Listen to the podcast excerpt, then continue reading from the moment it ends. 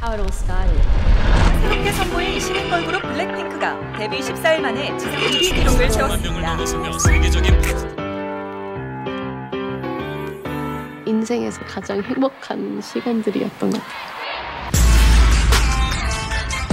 아직까지도 계속 새로운 걸 실험하는 과정이고 넷이 모였을 때 새로 도전을 하는 게 가장 빛이 나는 것 같아요.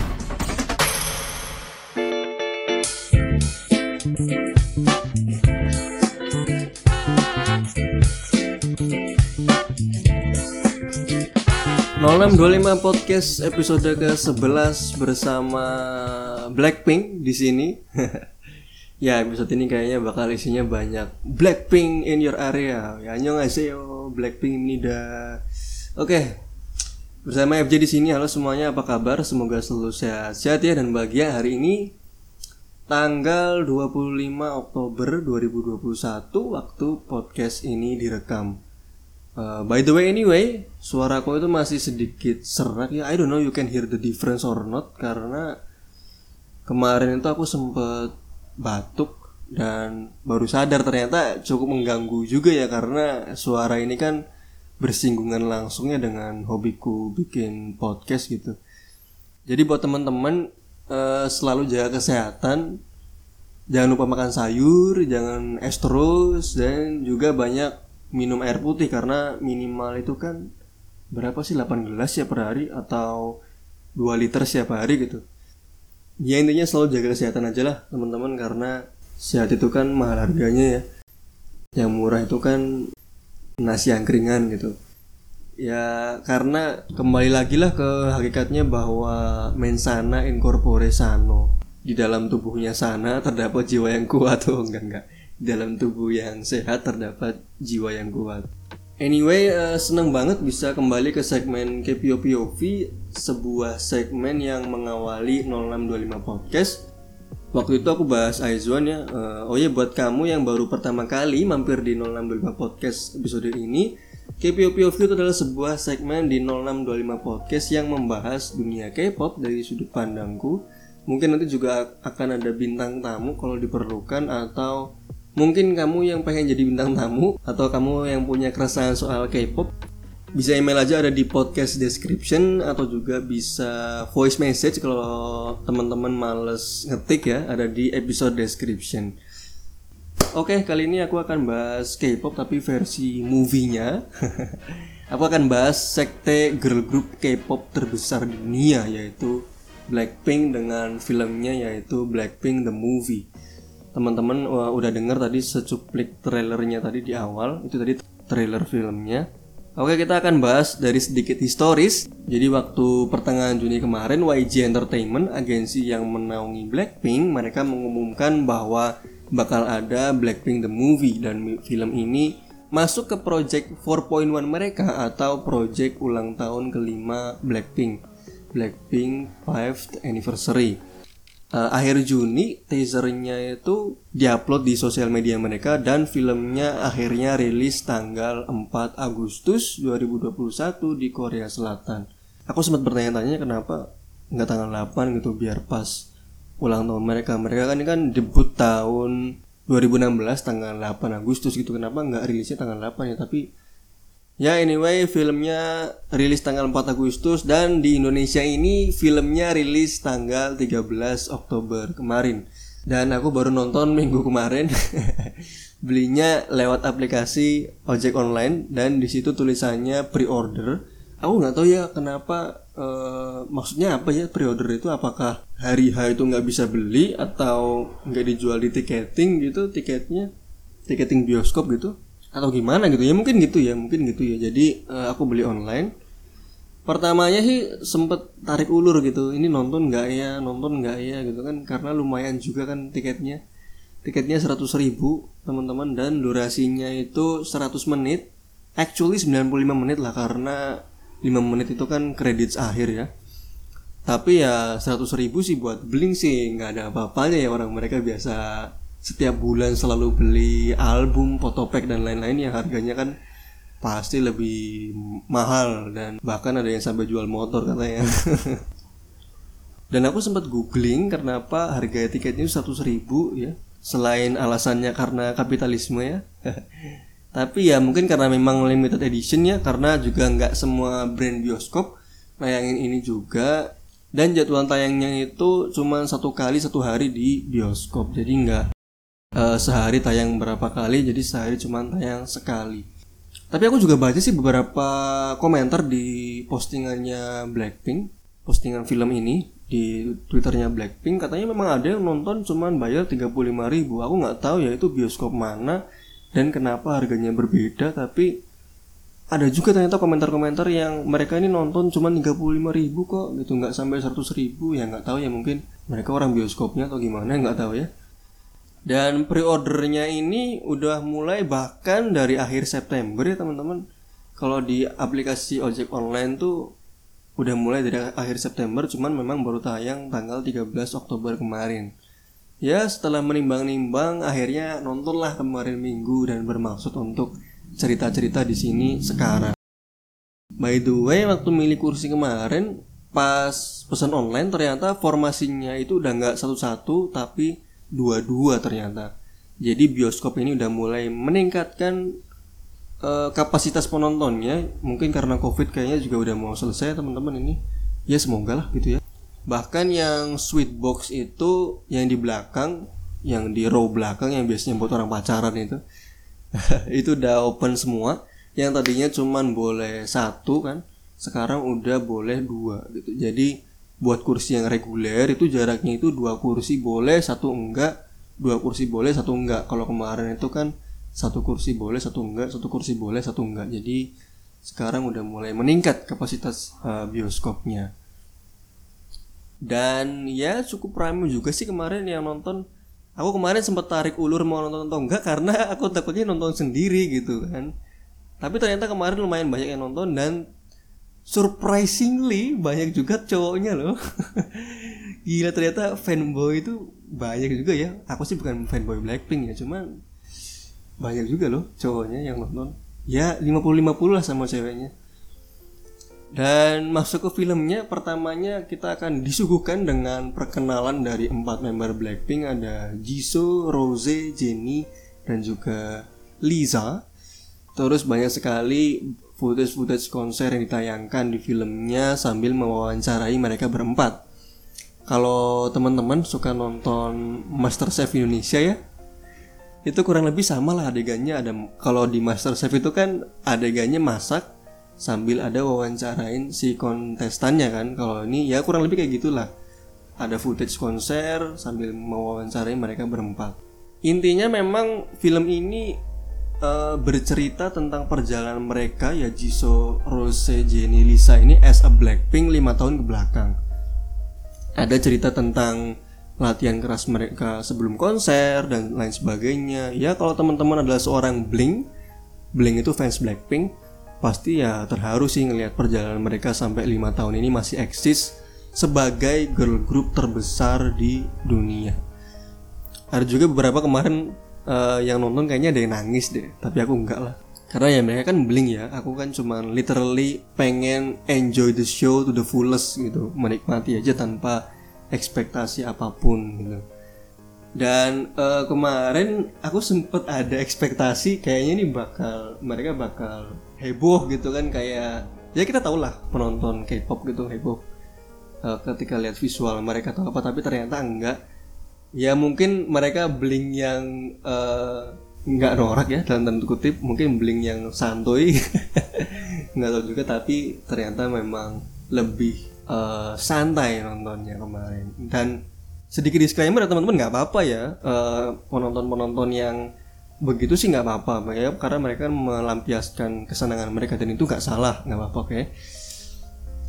Yang di highlight di filmnya ini sebenarnya kebanyakan lebih ke footage footage konser mereka yang mereka udah jalani kemarin. Kayak tahap pertama di film ini itu ada konser The Show mereka bawain Love Sick Girls terus ada Pretty Savage dan lain sebagainya. Tapi dari angle kamera yang uh, berbeda gitu. Lebih sinematik dan suasananya juga lebih proper karena ini kan di layar lebar kan. Experience-nya juga lebih kerasa bagi kita kita tuh kayak lagi nonton bener-bener ada di tengah-tengah konsernya gitu. Tengah-tengah penonton gitu. Apalagi kalau teman-teman nontonnya di Screen X yang layarnya 3 3D gitu mungkin lebih kerasa ya uh, experience-nya. Dan walaupun sebagian besar isi film ini lebih kayak konser yang kemarin ya terus cuman dikemas jadi lebih baik tapi juga sebenarnya ada side story dari keempat member Blackpink ini dimulai dari Jisoo yang cerita pengalaman konsernya cerita-cerita ya ya dia nggak nyangka ya bisa terkenal sampai uh, ke Amerika dan bisa konser sampai Amerika gitu. Terus ada terus ada Rose yang harus hektik banget karena selain konser The Show dia juga lagi nyiapin album solo dia kan yang On The Ground dan juga Gone yang sekarang udah rilis lagunya bagus banget terus juga ada Jenny yang dia cerita fisiknya dia nggak sebagus yang lain tapi dia tetap berusaha menampilkan yang terbaik terus juga ada Lisa yang kata member-member yang lain dia itu selalu ceria dan selalu semangatin mereka setiap pindah-pindah konser tour konser mereka dia selalu semangat ayo kita bisa kita bisa gitu terus juga ada scene Rose dan Jenny dia bawain album solo mereka uh, Jenny dengan solo, Rose dengan Gone. Terus juga ada scene konser world tour mereka tahun 2019 kemarin di Asia, ada Bangkok, ada Jakarta, Malaysia, Australia, Eropa, bahkan sampai konser di Coachella Amerika. Dan buat teman-teman yang belum tahu, Coachella itu adalah sebuah konser besar di Amerika di California. Isinya itu musisi papan atas ada Ariana Grande, ada Bruno Mars, ada Billie Eilish gitu dan lain-lain dan Blackpink ini mereka pas konser di Amerika dia ekspektasinya wah emang ada yang bakal nonton kita gitu. Emang kita terkenal itu gitu. Dan orang di Coachella juga mereka kan juga kalau nonton konser ya mereka just wanna enjoy the show aja nggak nggak tahu siapa yang perform gitu. Tapi mereka bener-bener pengen enjoy the show. Jadi kalau misalkan Blackpink ini mereka mikir lah kalau kita nggak kasih yang terbaik mereka pasti bakal kecewa gitu. Tapi ternyata setelah konser berlangsung uh, bahkan penonton mereka ada yang sing along gitu sing along lagu mereka. Dan itu di Amerika loh ternyata mereka nggak nyangka bisa sampai seterkenal itu gitu. Uh, tapi memang di YouTube itu memang ada konser mereka ini ya The Show ini. Cuman memang ya di film ini memang footage footage konser itu dikemas lebih bagus teman-teman. Kayak tadi aku bilang sinematik dan lain sebagainya.